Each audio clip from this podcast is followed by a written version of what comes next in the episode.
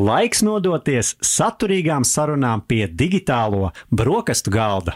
Hmm. Ko liksim uz kārā zoba? Digitālo brokastu saldais ēdiens. Labrīt, klausītāji! Sveicam jūs atpakaļ pie digitālo brokastu galda. Tehnoloģijas sniedz daudz iespēju, bet vienlaikus var kalpot arī kā mūsu rīcību kontrolējošs vai ierobežojošs spēks. Mūsdienās esam ļoti atkarīgi no piekļuves internetam un dažādām lietotnēm. Tas mūs padara daudz spējīgākus, ātrāk un efektīvāk paveikt mūsu uzdevumus, bet vienlaikus padara mūs arī ievainojamākus. Tehnoloģijas palīdz nodrošināt vārda brīvību, bet tās var izmantot, lai panāktu pretējo pilnīgu cenzūru. Un par to visu sīkāk vaicāsim mūsu šīs dienas raidījuma viesim. Ar mums kopā ir profesors Franks Kraushārs. Labrīt, Frank! Labrīt! Liels prieks, profesor Frank, ka tu mums pieslēdzies šajā rītā. Parunāsim par tehnoloģijām, parunāsim par vārda brīvību vai tā ierobežošanu. Līdz ar to varbūt tāds pirmais atvērtais jautājums nedaudz ieskicētu tautu redzējumu uz esošo situāciju. Vai modernās tehnoloģijas, tavuprāt, mūsdienās vairāk ir iespēja vai arī draudz vārda brīvībai? Kur mēs šobrīd esam? Nu, es domāju, ka šis vienmēr, jautājums vienmēr būs atkarīgs no no mums pašiem, bet nu, gan kā individiem, gan kā organizētu sabiedrību. Jo nu, mums laikam mūžīgi būs jāmeklē to līdzsvaru starp inovācijas iespējām un, un, un tādu teiksim, veselo skepticismu pret uh, tehnoloģijas dominanci mūsu dzīvē. Mm -hmm. Vai nav arī atkarīga atbilde no tā, kurā pasaules reģionā valsts iekārtā mēs skatāmies, jo tas jau arī laikam nedaudz pamaina to kontekstu, vai ne? Nu, jā, protams, bet eh, nu, šī problēma vai problēmas principā jau pastāv visur. To mēs varam novērot uh, arī rietumvalsts pasaulē, bet tomēr uh, Eh, svarīgs faktors, protams, ir, cik lielā mērā valsts eh, un valsts tiesības sistēma atzīst eh, personīgas tiesības un individu brīvību. Un, vai arī otrādi, cik lielā mērā šī sistēma ir vērsta uz teiksim, varas subjekta vai valdības interesēm. Uh mhm. -huh. Nu jā, internets uh, savā ziņā ir kļuvis par jauniem ceļiem, par jaunajām maģistrālēm. Nu, ja tu kontrolē ceļus, nu, tad tu kontrolē, uh, kas pie tevis iebrauc un kas izbrauc. Mēdz runāt ka, uh, par to Krievijas autonomo internetu. Mēs kādreiz esam ziņojuši, ka viņi testē tādu lietu. Un, uh, protams, tiek runāts arī par Ķīnas ugunsmūri.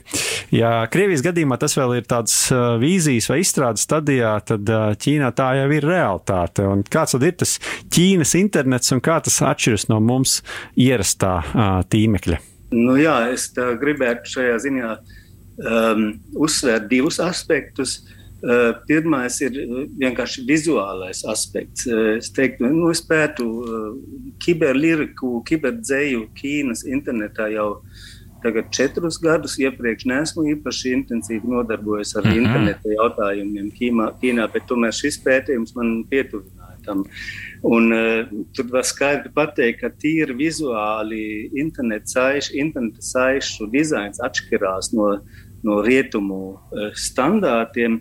Um, teiksim, saišu struktūras ir, ir uh, nu, atšķirās ar to, ka saturi ir daudz blīvāki, parādās vai nu, parādās nepaskāt, ne, nepārskatami. Uh, Un, un īpaši kā saturi tiek piedāvāti arī košās, ne īpaši harmoniskās krāsas. Uh, tas man bieži atgādina uh, arī Ķīnas urbānu telpu.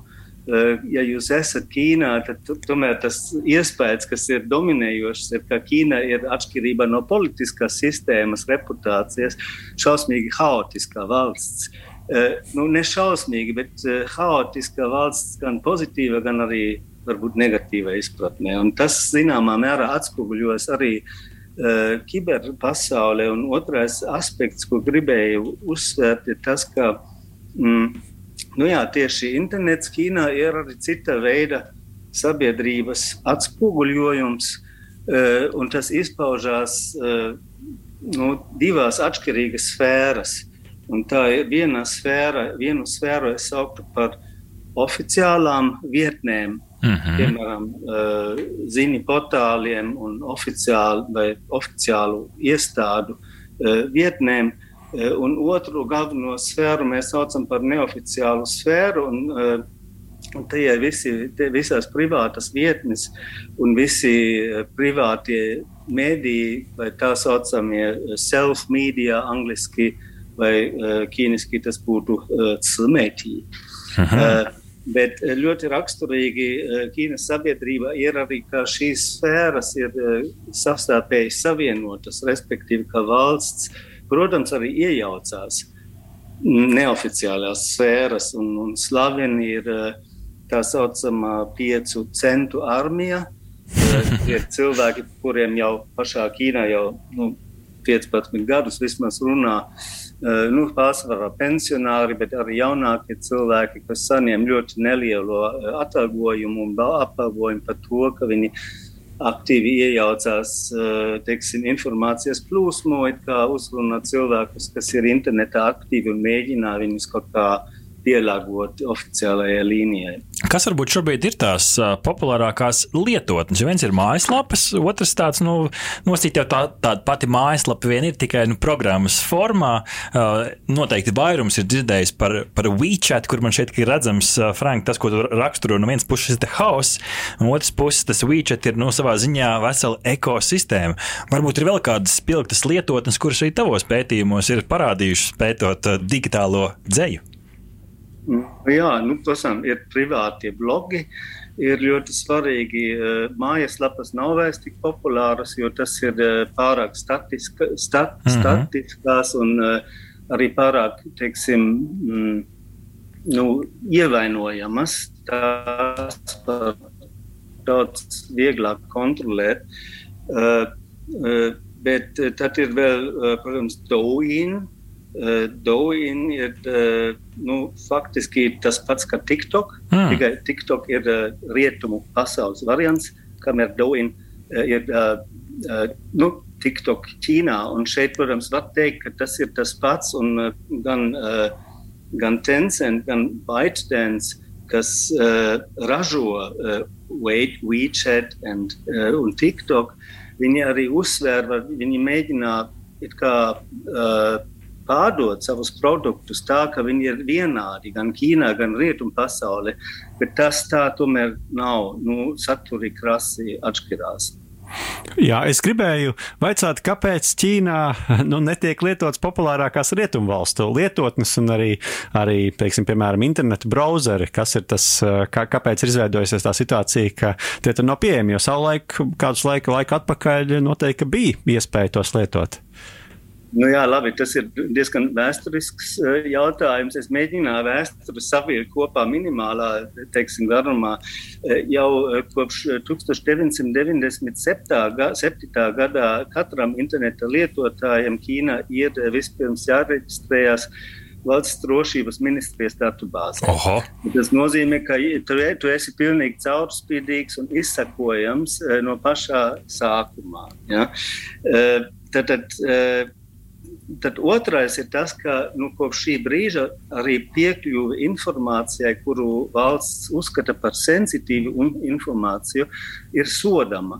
Uh, tad, tad, uh, tad, kad tu esi piemēram uh, WeChatā un tu postē kaut kādu komentāru, un tas komentārs tiek dalīts vairākas reizes, nu, jābūt vismaz 300 reizēm. Uh, bet informācija ir se, politiski sensitīva, ka tas ir sodama, sodamais akts, un tev var apcietināt par to. Nu jā, un tad kopš uh, apmēram, es tā precīzi nezinu, apmēram 2005. gada pastī, pastāv tas tā saucamais uh, Fanghua Changchang, tas ir uh, lielais ugunsmūris uh, Ķīnā. Un, um, un, protams, šim ugunsmūrim uh, ir arī, teiksim, faktiski divas funkcijas. Viena funkcija ir neļaut iekšā eh, teiksim, ārzemju eh, mēdījos, eh, lai izplatinātu rietumu pasaules mhm. teiksim, vērtības. Bet otrā funkcija, varbūt svarīgāka, bija, jo tas teiksim, mūris radīja vakumu vai tukšo vietu, kurā ķīniešu startup uzņēmumiem, kā piemēram toreiz Tencentam un Alibaba, bija pēkšņi iespējams attīstīt savu teiksim, savu alternatīvu. Savā ziņā tāds labs bija... biznesa gājiens no valsts puses. Jā, bet tas bija zināmā mērā tas ugunsmūrs, bija priekšnosacījums tam, cik varenīgi tagad Ķīnas teiksim, maiga vara vai Ķīnas digitāla industrija arī ir pašā Ķīnā. Mm -hmm. Mēs, mēs šobrīd daudz runājam par Ķīnu, protams, jo, Frank, tu esi, tu esi pētījis diezgan, diezgan plaši šo, bet, ja mēs paskatāmies tā filozofiskāk, neminēšu varbūt konkrētus uh, zīmolus šoreiz, bet nu, tā globāli skatoties, vai beig beigās ir atšķirība, kam mēs atdodam datus Ķīnai, ASV, Dienvidkorejai vai kurai citai valstī?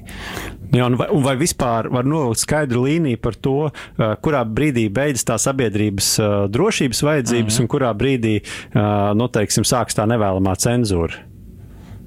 Jā, nu, es teiktu, ka šo skaidro līniju mēs nevaram vilkt ne rietumos, ne arī Ķīnā. Bet, uh, varbūt, uh, nu, manuprāt, piemērotāks jautājums uh, varētu būt, vai ir uh, vispār publiskā griba definēt un vilkt šo skaidru līniju. Um, un, uh, un, un šeit man ir tādi, teiks, man ir, nu, vairāka, vairākas lietas man šķiet svarīgas šeit. Viena lieta ir tas, ka, protams, Ķīnas interneta lietotājiem ir ļoti svarīgi, ka arī viņa uh, privāta sfēra ir aizsargāta. Um, Bet viņi to, nemāk, viņi to nevar paust. Nu, vienkārši pietrūkst arī iestādes, kas uh, neatkarīgas iestādes, kas uh, varētu uh, teiksim, virzīt uh, procesu, uh, lai liberalizētu attiecības starp privātiem internetu lietotājiem un valsts pusi. Um, bet otrā lieta ir tāda, ka uh, pašā Ķīnā uh, piekļuve pie informācijas īpaši krīzes situācijas, piemēram, Covid uh, krīzes sākumā, vai arī no Ķīnā pēdējo gadu laikā, desmit gadus laikā, ir notikušas neskaitām daudz uh, pārtikas skandāli, farmā mm -hmm. skandāli. Un vienmēr šajos, šajās situācijās ķīniešu internetu lietotāji meklēja atrast pēc iespējas taisnu informāciju, patiesu informāciju blogos un, un privātajās mm. ziņa, ziņu kanālās. Līdz ar to, jā, um, uh, ir jāsaka, ka šī interese arī Ķīnas pa, sabiedrība pastāv, bet uh, teiksim, tā politiskā un institucionālā situācija ir pilnīgi savādāka. Mm -hmm. Mēs arī šodien, starp citu, tehnoloģiju ziņās, kā reizes brīnumainā kārtā sakat, ka pirmā ziņa bija par novērošanas sistēmām, kas kaut kādā veidā man šķiet, ka nu, sasaistās ar to, par ko mēs runājam, ar kaut kādu veidu cilvēku novērošanu, kontroli. Un tāpat Eiropas līmenī nu, šobrīd jau Eiropas parlamenta deputāti ir nobalsojuši, ka nu, vairāk mēs ejam Eiropā projām no tā, ka cilvēkus identificē novērošanas kamerās, ka šī te tehnoloģija saslēgta ne tikai filmē, bet uzreiz atpazīst seju un uzreiz var noteikt, kas tas par cilvēku ir. Tad varbūt tas jautājums ir, ja mēs do, nu, skatāmies par šādu novērošanu un cilvēku kontroli. Kā, Frank, tavuprāt, kopumā šis atstāja, kādu iespēju atstāja uz, uz sabiedrību, uz cilvēkiem tā apziņa, ka tu esi kāda kontrolē visu laiku. Tas vairāk ir varbūt tāds drošības sajūta radošs, vai, vai drīzāk tas ir kaut kas tāds, kas ilgtermiņā cilvēkus negatīvi ietekmē? Nu, jā. Es domāju, ka ja, ja nu, mēs esam Ķīnā un ejam pa ielām, un ejam restorānos un, un braucām ar vilcieniem un tā tālāk, eh, vai arī es, piemēram, pasniedzot kaut kādā universitātē, tad uh, veidojas iespējas, ka visi jau sen jau pielāgojušies un pie, pieradušies uh, kamerām. Visur tās kameras ir ja eh, nolasot lekciju Ķīnā, eh, tev novēro vismaz astoņas novērošanas kameras vienā un tajā pašā brīdī. Aha. Eh, bet es gribētu šajā, šajā gadījumā arī vienkārši pastāstīt par mākslinieku, vienu mākslinieku vārds ir Dongju Fang, kas pagājuši gadu ir um, um, internetā publicējis performanci, eh, kas notika vienā Pekinas ielā. Uh, un šī Pekinas iela, respektīvi, vienās šīs ielas posmā atrodas uh, apmēram 100 novērošanas kameras. Un viņa performances mērķis bija uh, iet kopā ar kādiem uh, sešiem brīvprātīgiem uh, par šo ielu no sākuma līdz galam, tādā veidā, ka neviena no novērošanas kamerām šos cilvēkus varēja uh, novērot un redzēt. Un, un tajā pašā laikā viņi sevi filmēja.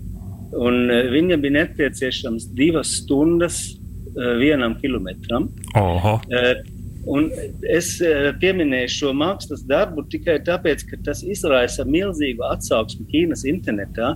Tieši šogad, jūlijā, Pārties uh, nacionālistiskais žurnāls uh, The Global Times ziņoja par augstākas tiesas spriedumu, kā Eh, es citēšu, nevajadzīga datu uzkrā, uzkrāšana eh, nav pieļaujama. Un to vajadzētu mēģināt pēc iespējas ierobežot. Bet, protams, šeit, zinot Ķīnas apstākļos, uzsvars ir uz vārdu nevajadzīga. Un kas ir vajadzīgs un nevajadzīgs, Ķīna, protams, nosaka mm. partija. Nu jā, tā tad novērošanas kameras ir tāda viena fiziskā infrastruktūra, bet ir tā fiziskā infrastruktūra, kas mums ir kabatās un uz mūsu galdiem. Tā tad mobilai tāruņi, datori un nesen Lietuvā, ka reiz bija kiberdrošības eksperti paziņojuši vai brīdinājuši par noteikti Ķīnas ražotāju mobilajos tālruņos iebūvētiem cenzēšanas rīkiem. Nu, iespējams, šis jautājums vairāk kiberdrošības ekspertiem, bet tomēr vai mums par to arī būtu jāuztrauc šeit Latvijā vai Eiropā? Un, nu, kā šā šāda iespēja ietekmē sabiedrību Ķīnā šobrīd? Nu jā, nu, mēs jau vispār uh, bieži runājam par uh, tādā, tādiem fenomeniem kā kiberkolonialismu vai datu kapitālismu. Un, un tas jau faktiski nozīmē, ka uh, Uh, nu, teiksim, vienā konkrētā valsts arī starptautisks uzņēmums ir spējīgs ar savu tehnoloģiju nosacīt arī tehnoloģiskos standārtus un, un tādā veidā izveidot monopolu, uzkrājot un apstrādājot un izmantojot datus savām vajadzībām. Tas var, būt, tas var notikt gan ar starptautiskiem teiksim, koncerniem, gan arī vienā valsts.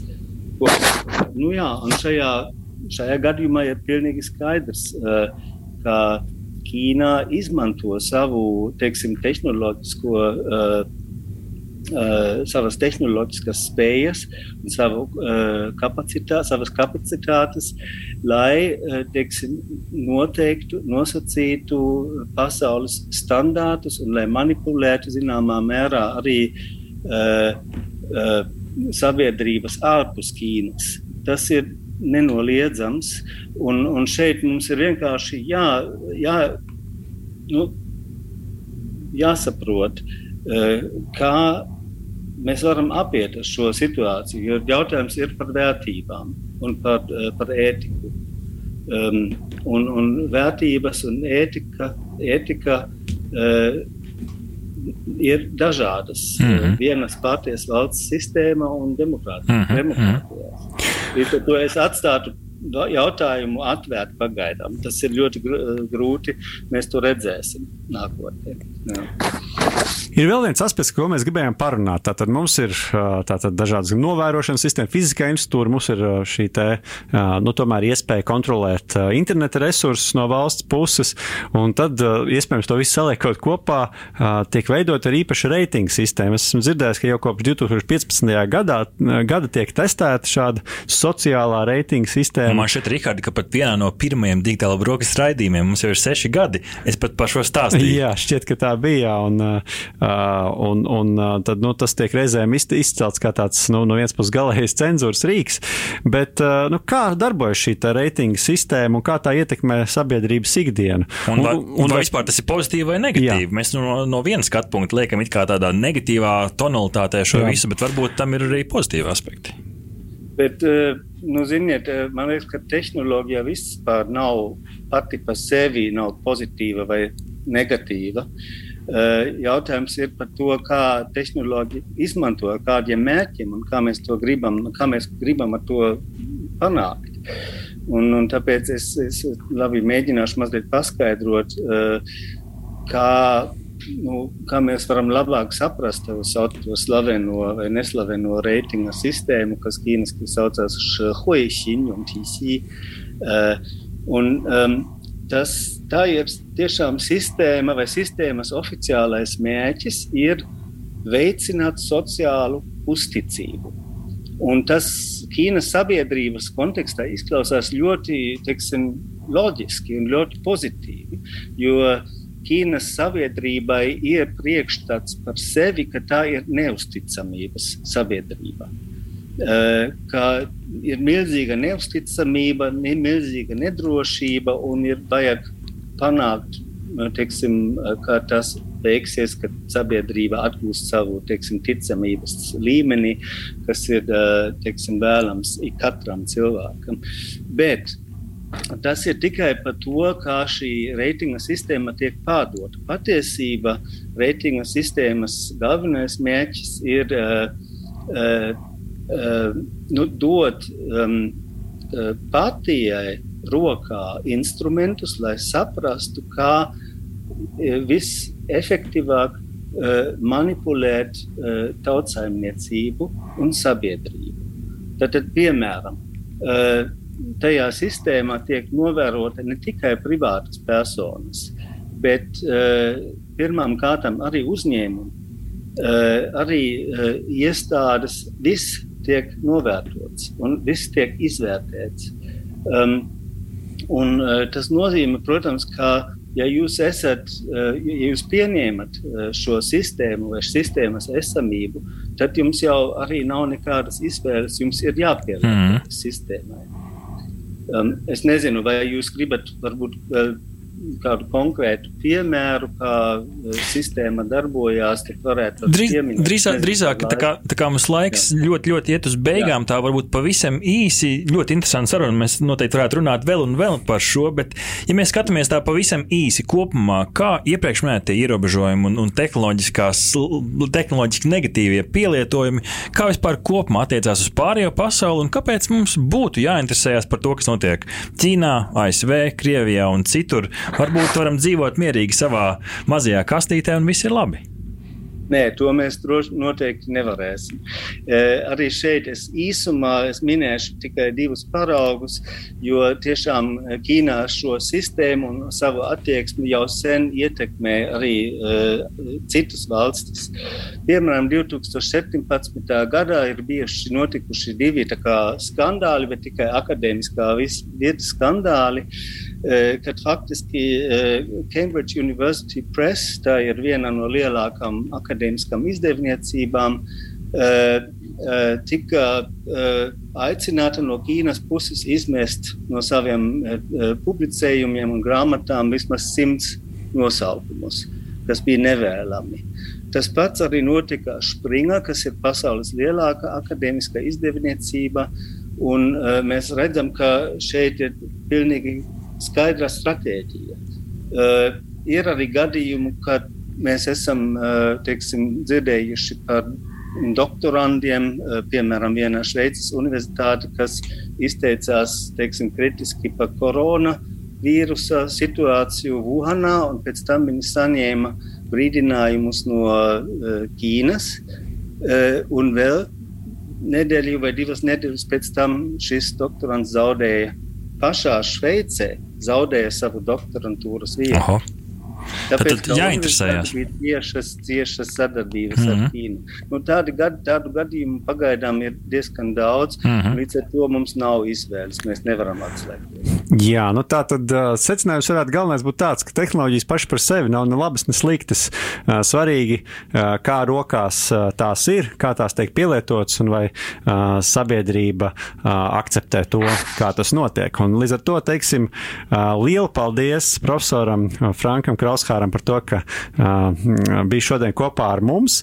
Un es jau tikai pieminēšu, ka raidījums zinātnes vārdā mūsu, pie mūsu draugiem Radio Naba 21. oktobrī 19.00 izskanēs, un tur Franks viesosies un runās par uh, politikiem, politiskiem jautājumiem saistībā ar Ķīnu. Tā kā jums ieinteresē šī saruna, ieslēdziet Radio Naba nākamajā nedēļā. Frank, liels paldies, ka pievienojies mums šajā rītā! Paldies, ka noklausījāties interviju līdz galam! Ja tev patīk mūsu veikums, uzspied like, atstāj komentāru, izcilu vērtējumu vai arī padalies ar draugiem